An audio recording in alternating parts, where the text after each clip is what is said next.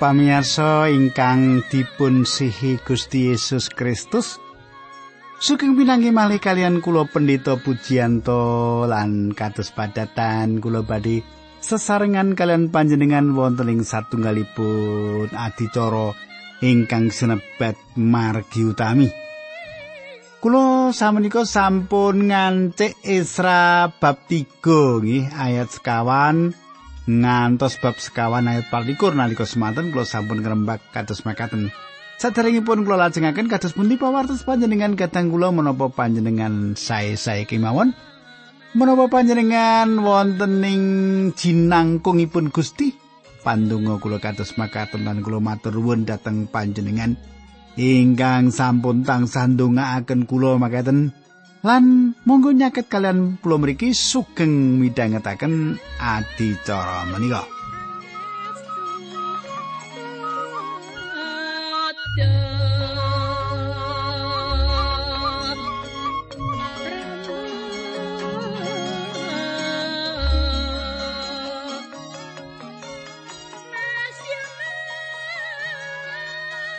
Para pamirsa, menapa panjenengan tasih kemutan pepanggian kita kepengker ngrembak nopo?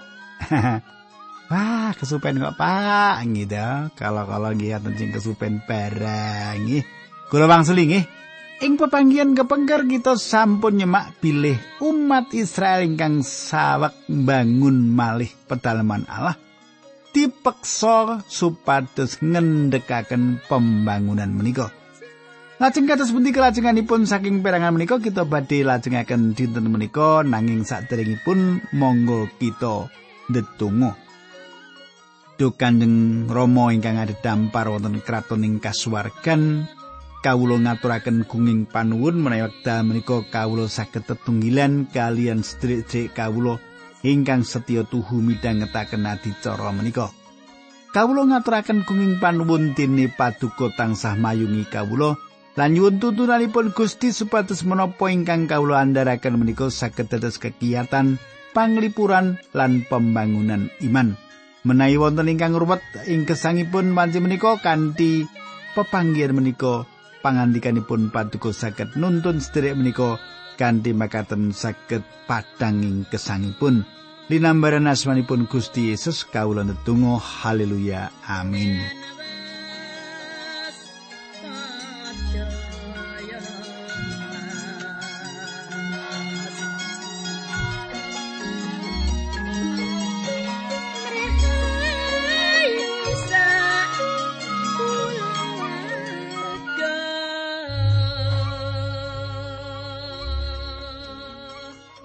Para pamirsa panjenengan samenika kula aturi nyiapaken Isra bab gangsal ngantos bab 6. Isra bab gangsal ngantos bab 6 kula wiwiti Isra gangsal ayat setunggal rumiyin. Makaten surau sing pangandikan. Nalika semono ana nabi loro ya kuwi nabi Hagai lan Sakaria bin Ido medar wangsit atas asmane Allah Israel marang wong-wong sing manggon ing Yehuda lan ing Yerusalem. Para pamirsa, kali nabi menika dipun timbali dening Gusti Allah supados nyukani panyurung umat Israel. Angkaipun supados saged nglajengaken anggenipun bangun pedalaman Allah. Sampun tentu kalih nabi menika sampun mangertos keputusan Raja Kores, Raja Persia ingkang sampun nyukani idin dumateng bangsa Israel supados bangsa Israel bangun malih Yerusalem. Nabi kali menika mangertos bilih pembangunan menika selaras kalian rancanganipun Gusti Allah lan inggih wekdal Gusti Allah kangge bangun malih kita menika. Hagai mestani kali nabi menika minangka utusanipun Gusti Allah. Priyantun kali menika mboten sami. Ingkang sami nggih menika priyantun kalih menika sami-sami dados nabinipun Gusti Allah. Hagai menika tiang ingkang kiat lan mantep. Tiang menika saged dipundel. Piyambakipun remen kasunyatan. Piyambakipun langsung sanjang menapa ingkang penting. Piyambakipun sanjang langsung menapa ingkang wonten ing salebeting manah bangsa menika. Menapa ingkang dipun sanjangaken menika lebet lan saged natoni manah. Sawetawis Zakaria satunggalipun pribadi ingkang benten sanget. Piyambakipun gadah tetinggalan, gadah visi ingkang ngidapi-dapi lan menapa ingkang dipun sanjangaken sami. Umat sanget ngatosaken dumateng Zakaria. Piyambakipun sanjang dumateng manahipun bangsa tiang kalih menika nyambut damel sesarengan Hagai lan Zakaria tiang kali menika sanjang dumateng manahipun ingkang lebet bangsa Israel. Cetha Hagai dipunakeni dados jejeripun pemimpin nanging kekalipun nyurung umat supados ngerampungaken rancangan pembangunanipun saestu migunani sesambetan menika supados kita maos kitab Hagai lan Sakaria. Esra bab gangsal ayat kalih lan tiga kula badhe waosaken. Bareng Seru Babel bin Sealtiel lan Yesua bin Yusadak padha krungu pidatone nabi-nabi mau. Banjur padha nerusake mbangun pedalemane Allah dene nabi loro mau ya padha melu miyantu. Ora antara suwe Tatsnai Bupati daerah Sabrang Efrat bebarengan karo Setar Bos Nai lan kanca-kancane padha teka sarta muni mengkini sapa sing perintah marang kowe mbangun pedalaman iki lan ngrampungake temboke. Para pamirsa, ing wekdal pendamelan dipun lajengaken malih, para mengsaipun mangertos. Dumateng kita dipun cariyosaken bilih Tatnae ing wekdal semanten dados gubernur atas Samaria lan Setar Bosnai saged ugi dados petinggi. Tiang kali menika anda tengi papan pembangunan menika nantang tiang-tiang ingkang nyambut damel. Supados panjenengan mangertos pilih Tatnai lan pandheripun menika inggih menika mengsah bangsa Israel. Tiang-tiang menika inggih menika manungsa asipat kadunyan lan tiang Yahudi sampun meh bucal mutiara menika dumateng babi. Menapa Tatnai lan pandheripun mangertos menawi bangsa Israel menika sanjang bilanggenipun bangun menika dipun dawi Gusti Allah. Ayat sekawan lan gangsa makaten swaraosipun. Banjur muni meneh mangkene sapa jenenge wong sing padha ngedekake bangunan iki. Nanging ngalah ngreksa marang para pemimpine wong Yahudi mula para pegawene raja Persia ora ndawi leren nggone bangun nganti perkarane wis kalaporake marang raja Darius lan oleh wangsulan rupa layang keputusan. Para pamirsa panjenengan gatosaken panjenengan saged sumende dumateng Gusti Allah supados terus ngatosaken tiang-tiang ingkang dados kagunganipun. Ayat 6 pitu wolu. Turunanipun layang sing diaturake dening Tatnai Bupati daerah sakulone Bengawan Efrat bebarengan karo Setar Bosnai lan kanca-kancane marang Raja Darius mau unine mengkini. Ing ngarsanipun Raja Darius salam kasugengan. Anda dosno kauninganipun Sang Prabu bilih nalika kawula dateng daerah Yehuda. Pedalemanipun Allah ingkang Maha Luhur menika sawek dipun bangun migunakaken selo ageng-ageng sarta tembokipun kalapis mawi kajeng, penggarapanipun kanthi tlatos lan sampun kathah kemajenganipun.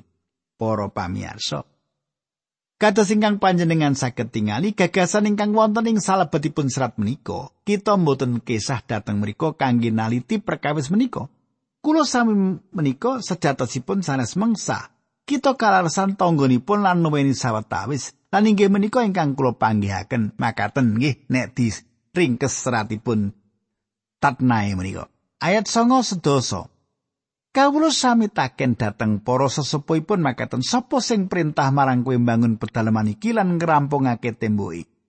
Makaten ugi kawula nakekaken naminipun para pemimpinipun supados saged kawula laporaken dateng Sang Prabu. Para pamirsa, bangsa Israel mboten nyebataken nami Nabi Hagai lan Sakaria. Ayat 11. Tiang-tiang wau sami mangsuli makaten kula menika sami para abdinipun Allah ingkang nitahaken langit lan bumi. Pedalaman menika sampun wonten pinten-pinten taun kepengker kabangun lan karampungaken dening salah satunggalipun raja agung ing Israel. Para pamirsa, bangsa Israel menika nyukani keterangan dumateng tiang-tiang menika sejarah pambucalan ingkang dumados pitung puluh tahun ingkang kepengker. Samenika ayat kali lan 13. Nanging sareng para luhur kula sami damel dukanipun Allah lajeng sami kaulungaken dhateng tanganipun Nebukadnezar raja ing negari Babel ingkang ngrisak pedalaman menika bangsa Kastim para luhur kula lajeng dipun tawan sarta kapindah dhateng Babel Nanging ing taun kapisan jamanipun Koresi jumeneng raja ing Babel panjenenganipun paring dawuh supados pedalamanipun Allah menika kabangun malih. Kadang kula Bangsa Israel nyukani bukti nyata pilih sang raja Kores sampun paring dawuh kangge mbangun malih pedalaman Allah. Sang raja malah mangsulaken prabot pedalaman Allah lan dibeto ing wekdal bangsa menika wangsul. Isra gangsal ayat 18 ngantos gangsal 11.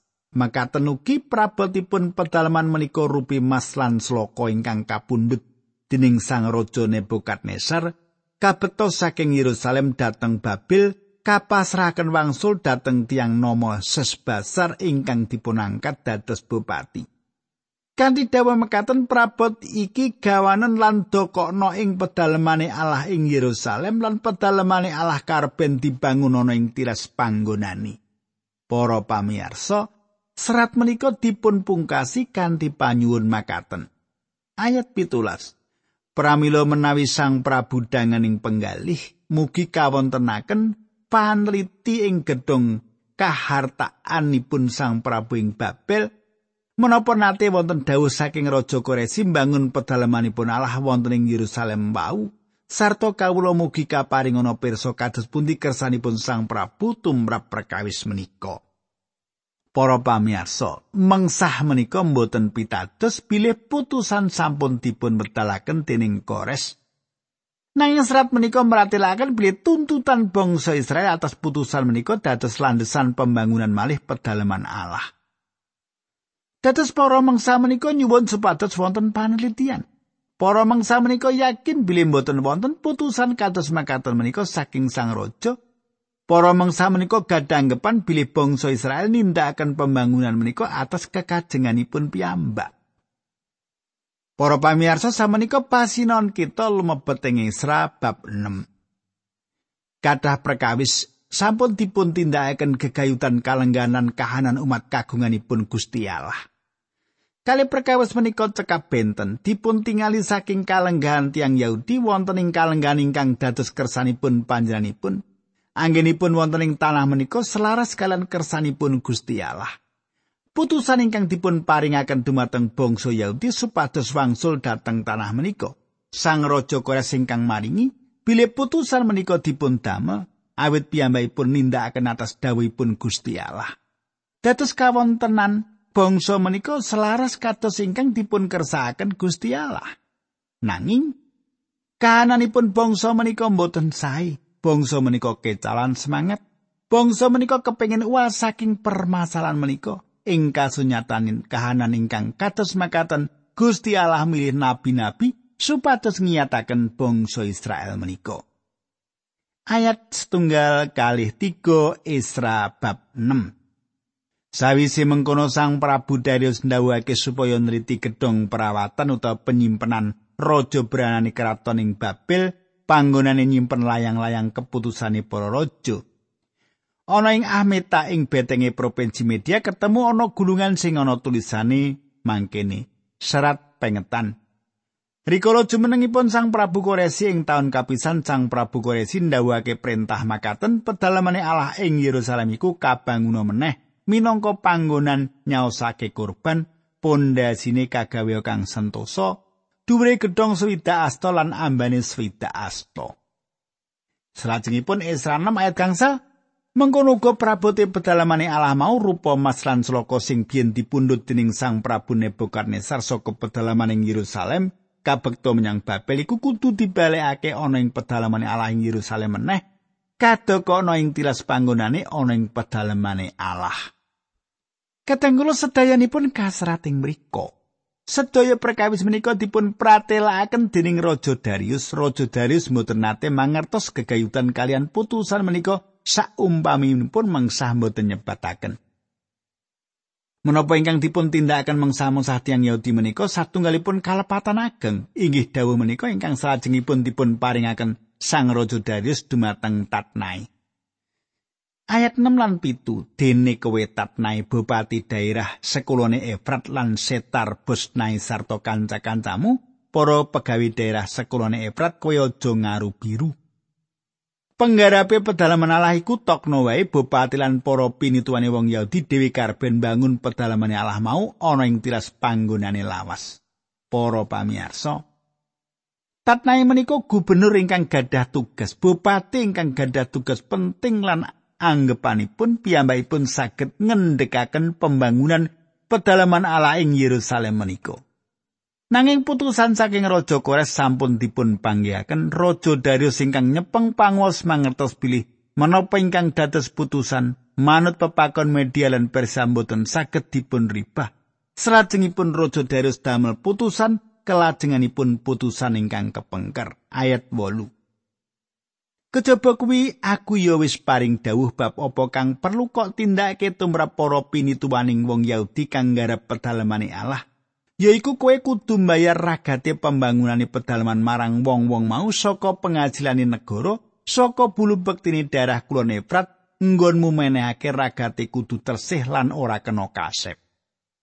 Para pamirsa, panjenengan katosaken Gusti Allah yasa tiyang ingkang waunipun ngipati-pati panjenenganipun tundhonipun ngluhuraken panjenenganipun.